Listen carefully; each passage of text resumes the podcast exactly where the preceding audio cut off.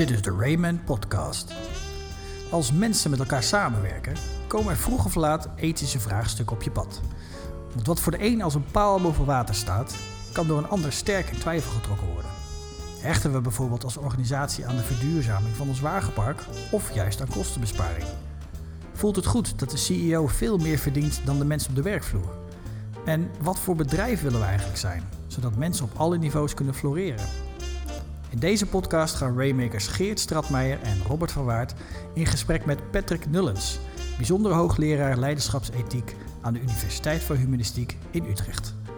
Een gesprek over kenmerken van ethische leiders en hoe we ethiek kan helpen om betere besluiten te nemen. Veel luisterplezier. Goedemorgen, goedemiddag, goedenavond. Uh, leuk dat je weer kijkt naar deze uh, Rayman podcast of luistert naar deze Rayman podcast. Deze keer ook uh, weer met mijn collega Raymaker Geert. Altijd. Goedemorgen. Goedemorgen. en dit keer als, als gast Patrick Nullens. Welkom. Goeiedag. Goeiedag. Ja, dat is heel veilig hè. Um, en dat zegt misschien gelijk iets over Patrick. Uh, want Patrick, ik heb het even opgeschreven, want het is een mond vol en uh, dat is nog ineens alles. Patrick Nullens is professor Leadership Ethics and Humanization of Society aan de Universiteit van Humanistiek hier in Utrecht. Um, en dat is niet alles. Uh, kun, kun, je eerst even voor de luisteraar en kijker vertellen, wie is Patrick? Ja, ja. Um gewoon professioneel zullen we maar houden. ja, ja, ja. Uh, ja, ik ben dus eigenlijk bijzonder hoogleraar leiderschapsethiek aan de universiteit hier in uh, Humanistiek, uh, Universiteit Humanistiek. Maar daarnaast ben ik ook adviseur bij de Galante Groep um, rond strategie en governance. En doseer ik ook op andere plaatsen ethiek voor commissarissen en toezichthouders. Um, dat zijn zo mijn, mijn hoofdactiviteiten, ja. En van achtergrond ben ik theoloog, dus ik ben nog actief in Leuven. Dus ik kom eigenlijk vanuit de geesteswetenschap en de ethiek en ben dan naar de leiderschapsstudies uh, gegaan. En bedrijfsethiek en business ethics. Ja, dat is ook het uh, lichte accent nog. Ja, het Vlaamse accent. Ik kom ja. inderdaad, we, ja. ja. we wonen nu vijf jaar in Nederland, maar kom wij komen oorspronkelijk, uh, mijn vrouw komt van Antwerpen, wij komen oorspronkelijk uit ja, Vlaanderen. Ja. Ethiek, ethiek, ethiek. Ethiek en leiderschap en ja. humanistiek. Ja. Ja. ja. ja gelijk, gelijk die vraag maar, want uh, waarschijnlijk hebben de, ja. ja. hebben, hebben de kijkers ook en de luisteraars ook gezien leiderschap en ethiek. En, wat is dat? Help, help even, ja. ja. ja. Help ons. Ja, meestal, dit is echt geen sexy term hoor, ethiek. Meestal als je dat gaat noemen, dan zeggen we, oh, nu gaan we het krijgen. Iemand die nog strenger is dan juristen of zo. Ja. He, dus wat juridisch mag, mag dan weer ethisch niet. Um, eigenlijk is ethiek, het gaat niet over ethische problemen of grenzen, maar het gaat veel meer over wat is het goede leven? Wat is menselijk floreren? En dat een, een, definitie van ethiek is dat het eigenlijk de studie is van het goede leven met en voor elkaar en rechtvaardige instituties. Nou, dat is even mond vol weer, ja. Dus rechtvaardige instituties, bijvoorbeeld als je een bedrijf ziet, zou je dat als een institutie kunnen zien. En de vraag is, is het rechtvaardig? Wat betekent dat voor de samenleving? Als dat bedrijf weg is, wordt de wereld er beter op of slechter? Dat is een ethische vraag.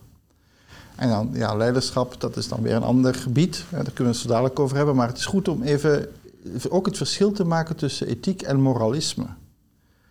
En moralisme, dan weet je al van, ja, dit is goed en dat is kwaad. En, en dat zie je nu heel sterk in de samenleving, een enorme polarisatie. Men heeft heel uitgesproken meningen.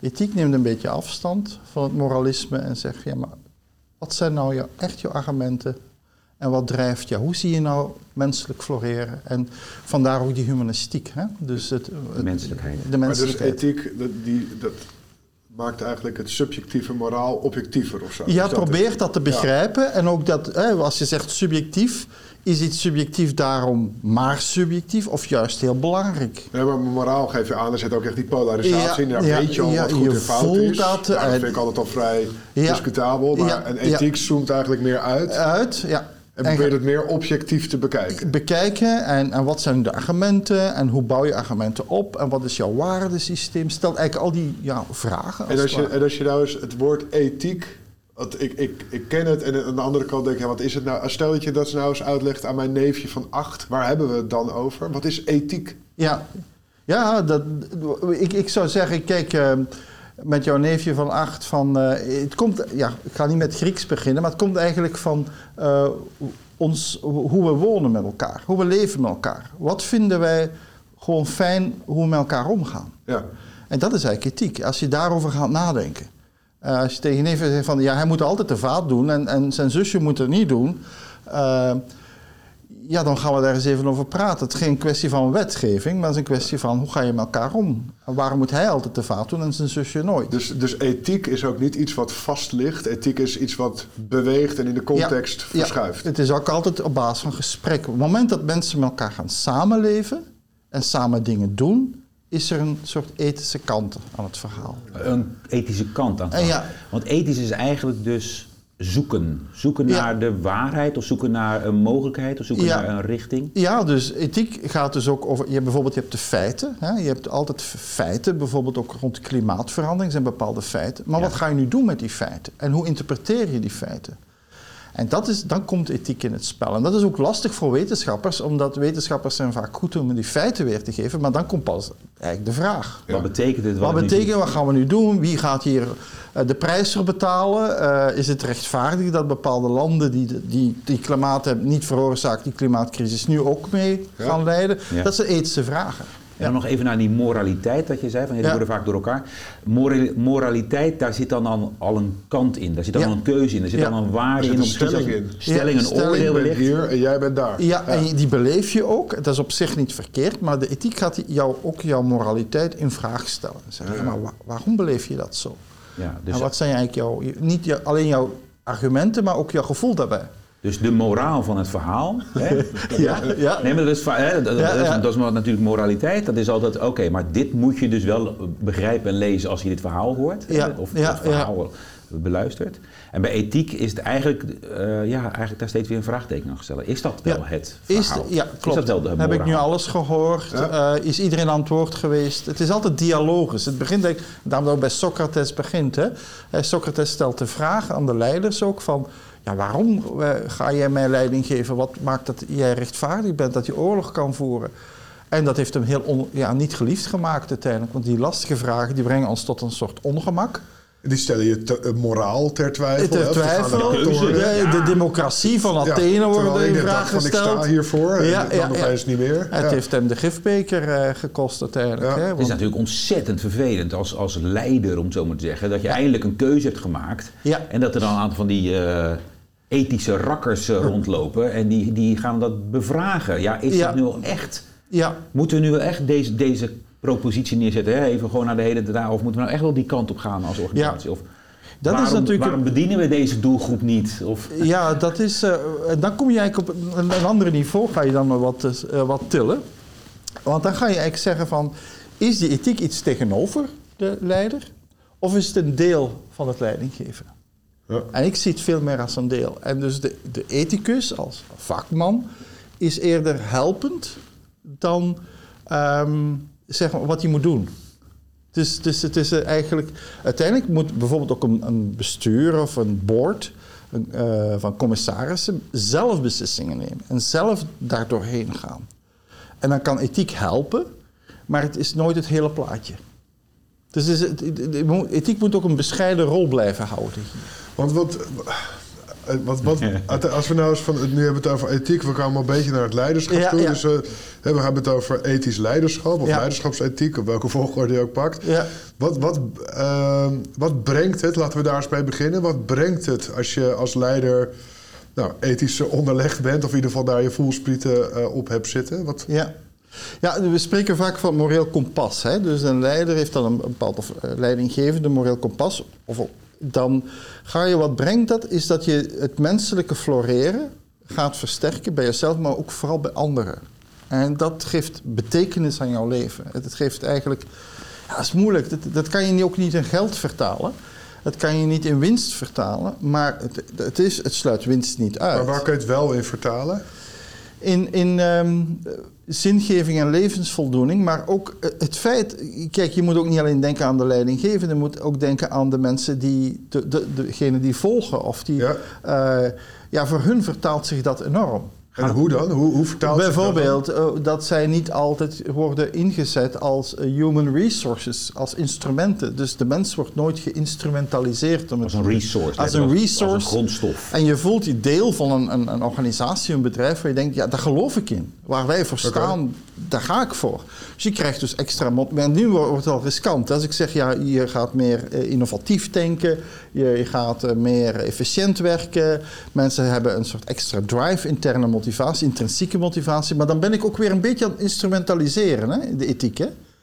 Want dat, dat wordt dan te hoekig. of. Ja, de hoek zit je van ja, een, weet je, we eh, gaan ethiek doen, want dan zijn ze innovatief, dan gaan ze efficiënter werken, zijn ze intrinsiek gemotiveerd. Ja, akkoord, maar ethiek is ook, het goede is waardevol omwille van het goede. Dus jij zegt eigenlijk, eh, ethisch leiderschap moet vanuit je intrinsieke motivatie Ja, komen. ja. En niet, je moet het niet inzetten als een instrument. Nee, want dan loopt het al mis. Want hoezo dan? Dus, eh, ik, ik, ik, Ja, ik ja. persoonlijk volg je, maar waarom, Ja, ja. waarom zou ik niet tegen een leider zeggen... luister, je moet meer eh, eh, ethisch leider worden? Want Als- het is handig voor je organisatie. Het, het is, ja, dat zeg je het goed. dat is heel handig. hè? ja, het is hartstikke handig. Ja, ja, op worden- moment dat de leider het niet meer zo handig vindt, gaat hij zijn ethiek ook weg uitschakelen. Ja, En dan, krijg- heb je een probleem. Dus- ja, want wat krijg je dan? Dus je kent soort, wat ze noemen trade-off. Ja. Eh, Dat gebeurt heel veel in bedrijven. Wij zijn eh, ethisch, eh, maar op het moment dat het te veel gaat kosten, dan gaat ethiek even opzij. Of sterker nog, men is duidelijk onethisch.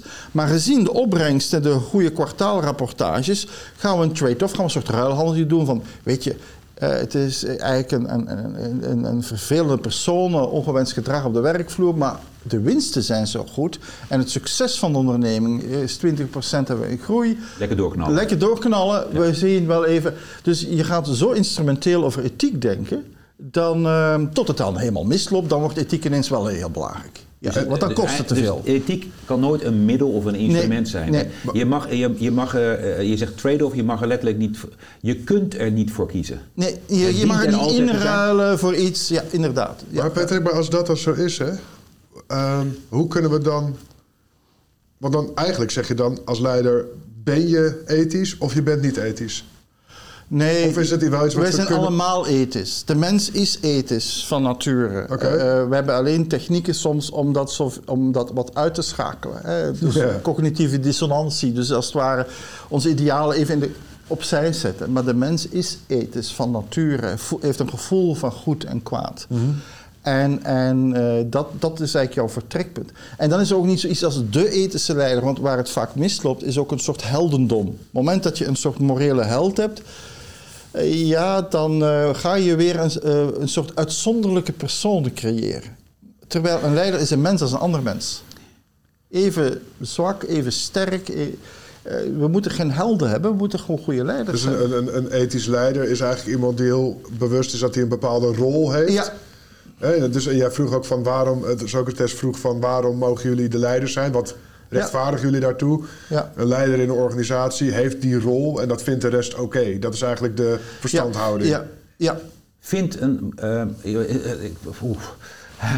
Eh, je noemde net moreel kompas. Iedereen heeft een moreel kompas. Ja. Maar dan moet ik denken aan moraliteit. Dan moet ik, een kompas betekent dat er, eh, dat er Noord, Ja, ja, Zuid. Oost, West... Met andere woorden zijn, er- zijn keuzes. Er is Ja. een, eh, Ja. Ik wil naar het noorden en daarmee is zuiden automatisch fout. Of Ja. is niet de juiste... Door het hebben van een moreel kompas... Hè, en je, koppelde dat aan een ethisch, eh, het ethisch Ja. eh, zijn of eh, ethisch Ja. leiderschap. Hoe verhoudt zich dat tot elkaar? Want dat is daarmee. oh, kun je met een moreel kompas überhaupt nog wel ethisch zijn? Hoe bedoel je? Dus dat het al vast ligt een beetje? Dat, Dat er weinig- dus toch keuzes zijn. Dus dat Ja. noorden toch beter is dan zuiden. Ja, Als ik je net goed beluisterde, dan gaat ethiek heel erg over het floreren van, Ja. van eh, eh, het menselijk floreren. Ja. eh, dan moet ik gelijk denken aan purpose-driven zijn, betekenisvol zijn. Ongeacht wat die betekenis is, maar het willen zijn van betekenis. ja, Of het willen hebben van betekenis. ja, ja. En met een moreel kompas betekent dat je soms echt wel niet betekenis voor die ander kunt zijn, maar dat is jouw moreel kompas. Ja. Hoe, hoe, Ja, ethiek gaat eigenlijk die morele kompassen of ja, ter sprake brengen. gaat het als het ware... We hebben dat, maar we hebben toch wel moeite om een taal te vinden om daarover te spreken. We zijn dat ook niet gewoon. We hebben een hele bedrijfstaal ontwikkeld. We, hebben eigen, we kunnen het over KPI's hebben. We kunnen, al dat soort termen zijn ons bekend. Ook in de economie, recessie, inflatie. Maar op het moment dat het op ethiek komt, dan zijn we een beetje onhandig soms. Uh, van, ja, hoe werkt jouw moreel kompas hier? Wat zijn nu jouw waarden? Wat Ja. vind jij nu belangrijke karaktereigenschappen? Ja. Waarom maak je die keuze? Ja. Dus dat moreel kompas is niet iets dat vast ligt, maar is iets wat je met elkaar in, in gesprek brengt. En dan kom je in ethiek terecht. En als aan de ene kant ethisch leiderschap brengt dat je mensen, hè, eh, dat je het eigenlijk een optimaal werkklimaat Ja. waar, waarin innovatie of effectief, er Ja. kan van alles gebeuren, Ja. hè, dat, dat, dat, is, dat creëer je eigenlijk. Wat is de, wat is de tegenpol? Wat is, je, wat is het goede aan niet-ethisch leider? Wat is een. Ja, Want ja, je, kan- ja, ja, dat is ik, weet Ja, zeker ja. dat er heel veel niet-ethisch Dat is een- leiders een- niet een- bewust. Een super goede vraag. In die zin, de meesten gaan denken aan immorele leiders, aan misdaad enzovoort. Terwijl eigenlijk, ik, ik hou erg van de filosoof Hannah Arendt. Voor mij is onethisch leiderschap gedachteloos leiderschap. Mensen die niet reflectief in het leven staan. Die als het ware een soort banaliteit hebben Mhm. van business as usual. Go with it. Ga Go vooruit. with it. eh, Oogkleppen eh, op. oogkleppen op. En, eigenlijk die, die niet er- en dat is eigenlijk onethisch leiderschap. Maar dat zou in, in specifieke takken van de sport zou dat ook wel vrij effectief kunnen zijn. Dat is super effectief. Dat wa- daarom dat Hannah Arendt ook over het Eichmann-proces sprak, hè, haar boek. Over hoe kan iemand zo in het nationaal socialisme een topmanager zijn eh, als Eichmann en alles zo effectief doen in de holocaust. Terwijl de man, we dachten het is een soort, eh, ja, een, een beest, een immoreel wezen, een sadist. Nee, het was gewoon een hele goede manager. Manager. Maar ontzettend onethisch. Ontzettend. Maar hij deed zijn plicht en hij maakte carrière binnen het systeem. Van eh, de SS en, en zo. Hij, hij kon dus carrière maken binnen het, het nazisme. Ik merk toch dat ik dan eh, zoek naar, eh, ehm, eh, eh, naar goed en fout, hè, los van deze. Ja. Maar is onethisch dan Fout. slecht? Fout? Is dat dan of, of eh, ja, dus die, die, dat onethisch is dan een soort die gedachteloosheid, waardoor je als het ware eh, terugvalt op een, soort, op een egoïsme. Het gaat om mijn carrière, het gaat om mijn belang. Ja. Eh, primairder of zo. ook. ja, Weet je wel, ja, wat ja. ouderwetser gewoon. eh, ja, gewoon. En, en- dit is ja, hem. Henry Ford. Ja, Ja. ja. terwijl we, we, we hebben, eh, in ons voorgesprek hadden we het even over eh, maffia-ethiek en zo, maar die hebben een soort groepsethiek. Dus daar zit ook ethiek Daar in. zit eigenlijk al een ethiek in van verbinding binnen de groep. eh, terwijl de ge- gedachteloosheid nog veel verder gaat. Want, wat zo zeggend, zou, eh, zou een, ehm, in, in deze situatie la de maffia... heb je ook wel een, eigenlijk een dictator aan het Ja, roer staan, ja, een capo.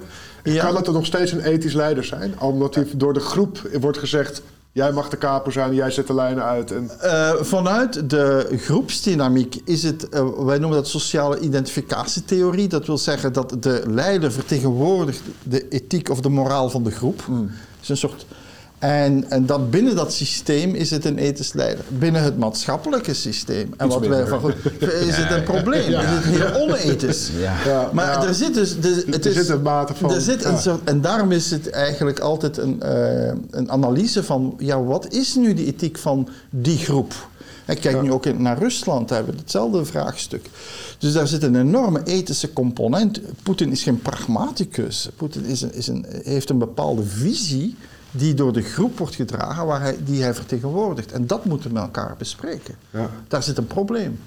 Ja. Eh, dus, Omdat ja, de vraag niet meer wordt gesteld. de vraag wordt niet meer, de kritische vraag, ook in de journalistiek, kan niet meer gesteld Kan niet meer worden. gesteld worden, nee. ja. Nee, En, nee. En als we, als we nou nog even uitzoomen naar eh, eh, bedrijfsethiek of leiderschapsethiek. Is, het is van alle tijden, maar het is natuurlijk in de laatste jaren is het echt een, eh, ja. Ook veel meer een, eh, ja, hoe zeg je dat, een commercieel ding geworden. Hè? Dus we, Ja. hebben, we hebben hier allemaal sessies voor en we helpen mensen, Ja. eh, noem maar op. Omdat iedereen het over purpose heeft. Ja, exact. zaken. Het is, Ja. gewoon, het is gewoon iets wat, eh, net zoals dat coaching de afgelopen twintig Ja, jaar groot is. ja, ja. Nou, zo. Ja, ja. Je zou ook wel kunnen zeggen, hè, want ethiek gaat dus continu over het bevragen van eh, genomen keuzes of denkbeelden Ja. of noem maar op. Werkt het dan niet enorm vertragend? Ja. Zijn we dan niet de hele godganse dag met elkaar bezig? Maar, maar waarom doe je dat niet? Ja, hou op. Ah, we, we doen het gewoon even. Ja, snap je? Kan het dat ook niet opwekken bij... Ja. bij leiders? Ik- ik- Dat vind ik ook wel lastig. hè. In die zin, het vertraagt inderdaad. Je hebt die, mo- die momenten, maar de vraag is...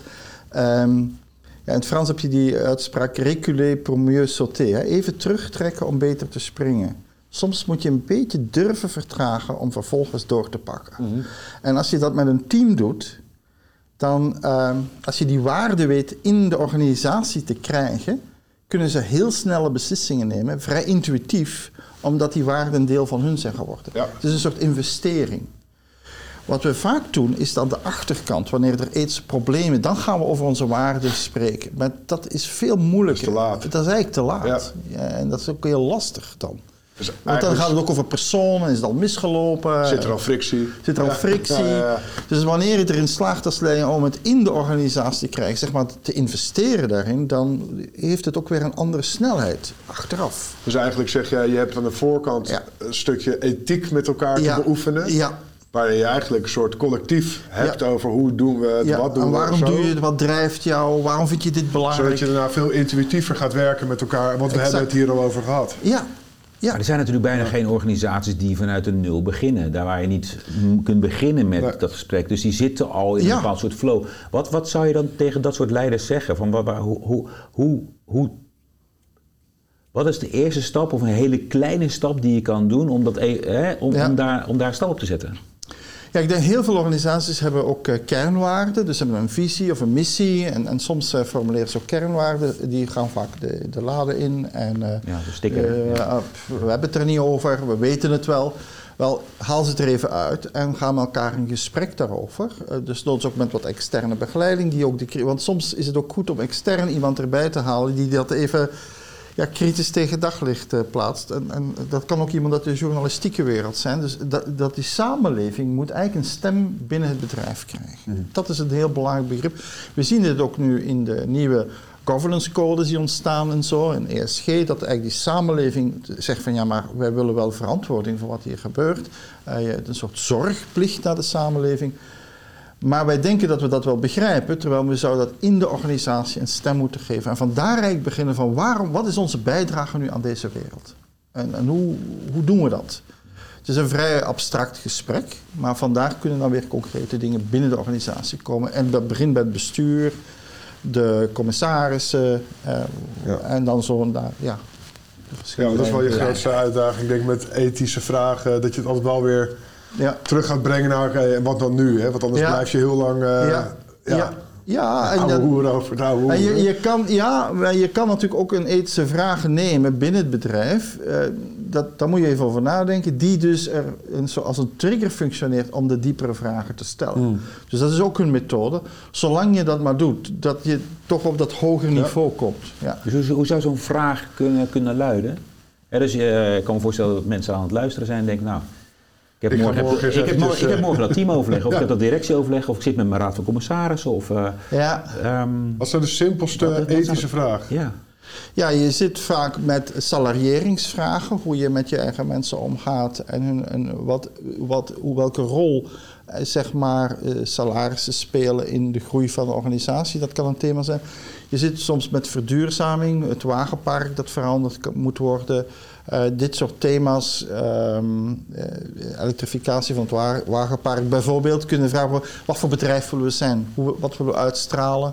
Eh, ook al kosten ons nu, kunnen we die kost dragen? Dus dat zijn, soms zijn dat heel concrete dingen. Dus, als we, dus, dus, dus we pakken bijvoorbeeld de kernwaarden die we hebben, of in ieder geval Ja. de, de missie die we hebben, Ja. die weer even op tafel leggen. Eh, dat in combinatie met wellicht een dossier à la, zoals Ja. je net zegt. En Ja. wat voor soort bedrijf willen we zijn? Zijn Ja. we nog wel bedrijf wat we zeggen te zijn, te willen zijn? Ja.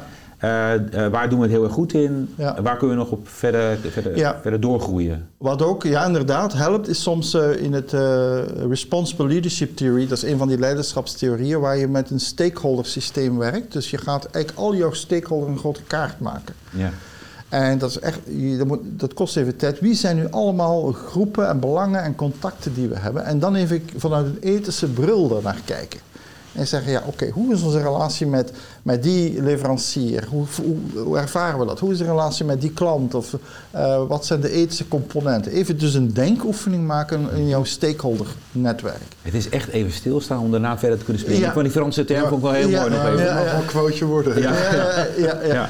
Hey, en, en dan weer even naar, uh, naar het, het, het, grotere plaatje, het maatschappelijk plaatje eigenlijk. Zijn er nou voorbeelden van, uh, van organisaties, niet specifiek die organisatie, maar wat, wat zijn nou echte karakteristieken van organisaties waarvan jij zegt, oh, daar herken ik wel dat er daar zit een ethisch leider aan het uh, roer of er zijn, ja. uh, daar is dit goed ingebed. Wat, daar herken ik ze aan. Herken ik ze. Ja. Wat, wat zijn typisch wat is aan typerend aan organisaties die dat dan hebben? Wat, wat zie je wat, dan? Wat mij opvalt bij dit soort organisaties is dat ze uh, goed contact hebben met de werkvloer altijd. Dus dat de CEO's of bestuurders een gevoel hebben bij het, het normale leven, waar, ja, wat, wat er echt gebeurt.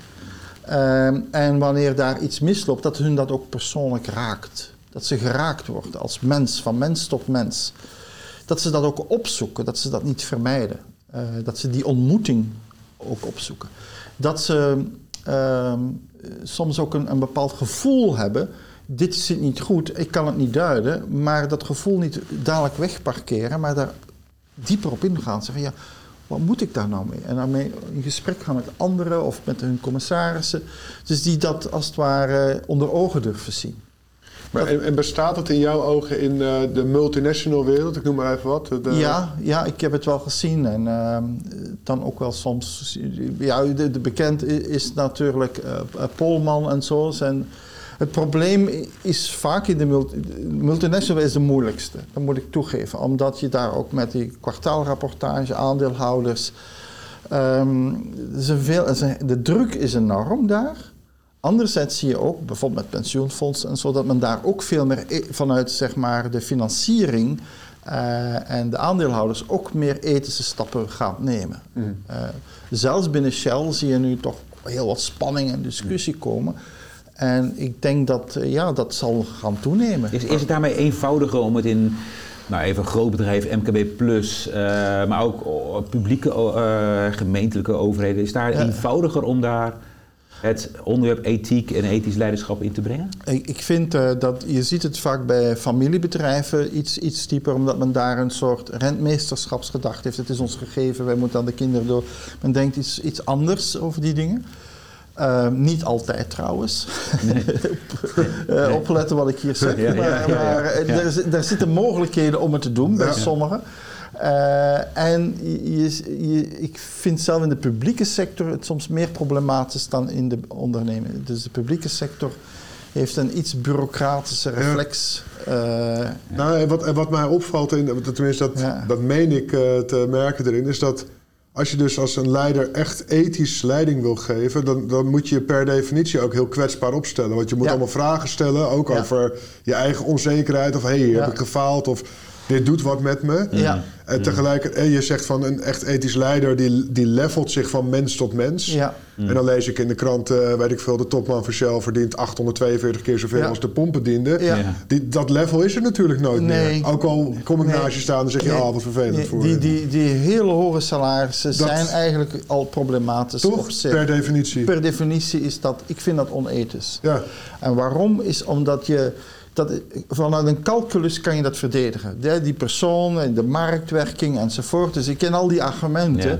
De vraag is, wat doet dat met de ethiek binnen jouw bedrijf? En binnen de maatschappij. En binnen de maatschappij. En welk signaal geven. Maar ja, dat heb je ook in de sportwereld. Hè. Ik ga, ik ga ja, geen namen noemen, maar uh, Monaco is er rijk aan. Dus in Monaco wonen ze allemaal. Dus er zit iets fout in onze samenleving op dat punt. En ik, ik denk wanneer je ook dit soort salarissen hebt en je komt dan dichter bij de werkvloer, volgens mij moet je dan toch een bepaalde gêne krijgen. Toch? Ja, ja. ja, ja dat, dat zou ik ook zeggen inderdaad. Ja, maar oké, ja. Dus het is eigenlijk in multinationals en, en dat soort enorme corporates is het bijna... Je kan wel een bepaalde vorm van ethiek beoefenen, maar je, ja, het is wel dus daar vrij lastig en naarmate ja. de, de, organisatie wat behapbaarder wordt, om het zo maar te zeggen, dan is Ja. Dan is dat handiger en makkelijker om te doen. En je kan bepaalde principes, de balken en de normen, bepaalde salarisprincipes hanteren, die je ook kan verdedigen. Wat zou je nou bijvoorbeeld de hele. Het is tegenwoordig natuurlijk uh, geen één bank. Uh, zit meer in de vuile beleggingen of in de munitie of dat soort dingen. Dat zou je ethisch kunnen noemen. Je zou het ook greenwashing kunnen noemen. Ja, waar, zit, waar zit dat dan volgens jou? Ja, uh, ja, trouwens, nu is het terug een beetje in om wel uh, in de wapenindustrie te investeren. Dat is ook heel interessant. Oh, hè, met, uh, want er is genoeg te verdienen. ja, dus maar, maar, ook met de oorlog in de Oekraïne. Hè, want dus, dat is goed dan. Nu wordt het ah, goed. Hè, dus je ziet ook, ja. in Duitsland heb je die hele omslag nu meegemaakt. Dat men toch die wapenindustrie anders ook de groene gaan. Ja, goed. Het is interessant hoe dat, dat is wisselt. Heel bijzonder eigenlijk. Ja, heel bijzonder. Um, dus dan zie je hoe ethiek functioneert. Maar wat, wat zei ik de nou, vraag? Dus, nee, dus mijn, mijn, vraag was... Nou, de, ja, meer, ik zit, de vraag, vraag opmerken is meer dat ik denk... Sommige dingen lijken misschien dan heel erg. Uh, ah ja, die greenwashing. Ja, ja, maar is het daar gewoon greenwashing? Oh nee, het kan, Shell gaat nu ook wat met duurzaamheid doen. Ja, nadat je de hele aarde verbrand hebt. Weet je wel, dus. Ja, ik ben daar iets, voor, iets, iets minder uh, radicaal in. Ik denk, je kan op twee manieren zeggen: oh, ze gaan ook wat doen. Het is greenwashing. Of zeggen Goed, uh, ze beginnen. Ze hebben dit gezien. Uh, ja. Ze hebben het ingezien. Ja. Het is te weinig en te laat. Maar dat kan je over de hele regering en de overheid ook zeggen. We zijn allemaal te weinig en te laat. We zijn 30 dus jaar achter. Eens. Dus, en dat zij geen koplopers zijn, dat is nogal logisch. Shell kan geen koploper zijn. Het zou bijna betekenen, Geer, dat je als je onethisch zou zijn ja, geweest, wat toen ethisch was, eigenlijk precies hetzelfde ja, wat je net uh, noemt, dat je nooit meer ethisch kunt worden. Of de ethische richting op zou kunnen gaan.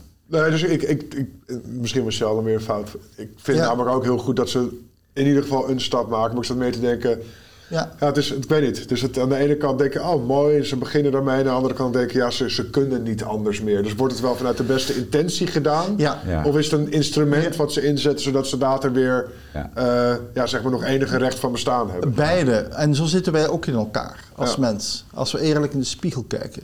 Vertel eens. Dus onze motieven zijn ook zeer gemengd. Soms zijn we zeer intrinsiek gemotiveerd. Soms hebben we toch wel weer die stok. Uh, zijn we die ezel die de stok en het worteltje nodig heeft. Hè? We hebben die twee. Um, zo zijn we gewoon. En ik denk dat, dat dit soort organisaties of bedrijven het veel belangrijker is om te zeggen: ja, wat is de volgende stap? Hoe kunnen we nu verder gaan? En ze, ja, daar hebben we een rol in, ook in, in de ethiek, om mee te denken, mee te zoeken. Uh, En is het ook goed dat, die, dat, dat, niet alles in de rechtbank moet beslist worden. Nee, nee absoluut niet. Wat wij, dat, dat, grotere project dat we met MVO Nederland hebben gedaan rond ongemak in de boardroom, zijn we dus eigenlijk vertrokken bij dat gevoel van ongemak dat bij grote ondernemingen ontstaat. En dat er ongemak ontstaat door die externe druk, dat is goed. Maar laten we nu over dat ongemak met elkaar gaan praten. Hoe, hoe gaan we dat nu cultiveren tot positieve stappen? En, en dat op zich ben ik ook een soort ethisch realist, zeg maar. Ja. ja. Ik, eigenlijk wil ik nog één uh, invalshoekje beetpakken. Ehm, jonge leiders. Ja. Uh, de, de, de, nieuwe generatie leiders. Uh, natuurlijk vergrijzing. heb, je, heb je voor jonge leiders ehm, nou, heb je tips voor hen? Hoe kunnen ze dit toepassen? Ja. Als, het, als het al wellicht niet intrinsiek in die groep ook zit. Ja, ik, wat, ik heb het wel vaak te doen met jonge leiders, omdat ze soms ook een jonge gezinnen zijn, een heel hectisch leven hebben, uh, met twee werken gaan. De druk op hun is, is gigantisch. Mm. En toch zou ik willen zeggen, ja, de, de, kunst van het vertragen en reflectie opzoeken en luisteren en observeren zou ik hun echt willen meegeven. Laat je niet vangen door de hectiek die rondom jou wordt gecreëerd als jonge leider. Doe dat gewoon um, en heb de moed en de durf om dat te doen. Dat is voor mij het eerste. Het tweede wat ik belangrijk vind is de, de gedachte van morele intuïtie. Wanneer je iets niet goed voelt, ga dat niet wegschuiven, ga daarop in. Waarom voelt het niet goed? Uh, dus die morele intuïtie is vaak een, een signaal uh, waar je uh, ja, niet zomaar mag wegrationaliseren achteraf. Mm. En het derde lijkt me goed, zoek ook, ehm, besef dat je een jonge leider bent en hou contact met wat ervaren mensen, anderen. Zoek ook een soort community of practice op. Hmm. Dus eh, de ethische kant kan je het beste doen door gemeenschapsgroepen of ook soms buiten de sector elkaar te ontmoeten, dingen te delen uh, en met elkaar erover in gesprek te gaan. En dat, dat is lastig in de drukke agenda, maar ook maak daar principiële keuzes. Dat zijn voor mij drie dingen die. En zoekt die, zoek die peer group dan ook echt in het in hetzelfde level waarin jij zit, qua leeftijd ook. Hè? Want nee, ja, nee eigenlijk niet. Nee, eigenlijk juist niet. Ga dus niet uh, in die peer group zou ik niet doen. Want peer group leidt vaak tot onethische beslissingen. Ja, dat kan maar vertel eens dan, want ik, ik, wij, spraken laatst iemand die... Ja. Ja. juist aangaf van uh, heel veel jonge leiders vertonen oud leiderschap, omdat dat het leiderschap is wat ze leren. Dus als je gaat reflecteren op met oud leiders, leer je dan niet het verkeerde. Nee, Nee, ik denk dat is ook, dat gaat een beetje tegen de geschiedenis in. De, de, de, hele cultuur hebben, zijn transgenerationeel. Dus het is heel belangrijk dat generaties met elkaar in gesprek blijven. Ik hoor het heel vaak hoor. Uh, ja, nu moet alles verjongen. Of de ouderen moeten weg. Of het mm. moet allemaal vrouwelijk. Of het moet allemaal... Dit, uh, nee, nee, nee. Niet doen. Uh, ga juist um, die ouderen opzoeken. En laat die ouderen leren van de jongeren. ga buiten jouw sector dus je zit zeg maar in de maakindustrie, maar ga ook met iemand praten van de zorgsector. Doe daar eens iets in. Dus juist sectoroverstijgend, generatieoverstijgend, cultuuroverstijgend. Ja. Um, heel divers. Dan wordt het zo divers mogelijk. Ja. Zo divers mogelijk. Dat voor de, de ethisch leiders van de toekomst is dat zo belangrijk. Ik denk het wel, ja. Dat geeft een heel open blik. Ja. Nieuwsgierigheid hoor ik vooral. Ja. En um, volgens mij, um, ja, ja, ik kan nog wel een uur doorpraten. Ja, maar. volgens mij gaan we hem afronden. Um, en um, volgens mij met deze drie tips voor, voor jonge leiders. Um, uh, maar eigenlijk geldt het niet alleen voor jonge leiders, maar voor alle leiders. Hè. Zoek de, niet alleen je peer op, maar zoek juist die, uh, die ander op. Uh, het menselijk floreren. Schitterend, daar begonnen we mee. Ja. En eigenlijk is dat het laatste ook waar, waar je mee eindigde. Hè? Ja. Nieuwsgierig zijn, de ander opzoeken om daarmee de vraagtekens te stellen. Een stukje vertragen, reflecteren, et cetera. Uh, ik, heb, ik, hoop dat jullie dat ook hebben kunnen, kunnen doen uh, tijdens, dit, uh, tijdens deze podcast, vodcast, of waar je me ook hebt gekeken of geluisterd. Ik wil Patrick je ontzettend bedanken voor, voor je tijd. Dankjewel. En je wijsheid en het vragen stellen. Geert, dankjewel. Okay. Um, Vond je dit nu leuk? Uh, we maken vaker dit soort uh, podcasts en podcasts. En wellicht heb jij een goede kandidaat. Uh, leiderschaplessen uit bijzondere invalshoeken. Laat dan weten. En anders weet je dat duimpje, dat, dat belletje en al die dingen op YouTube. Succes daarmee.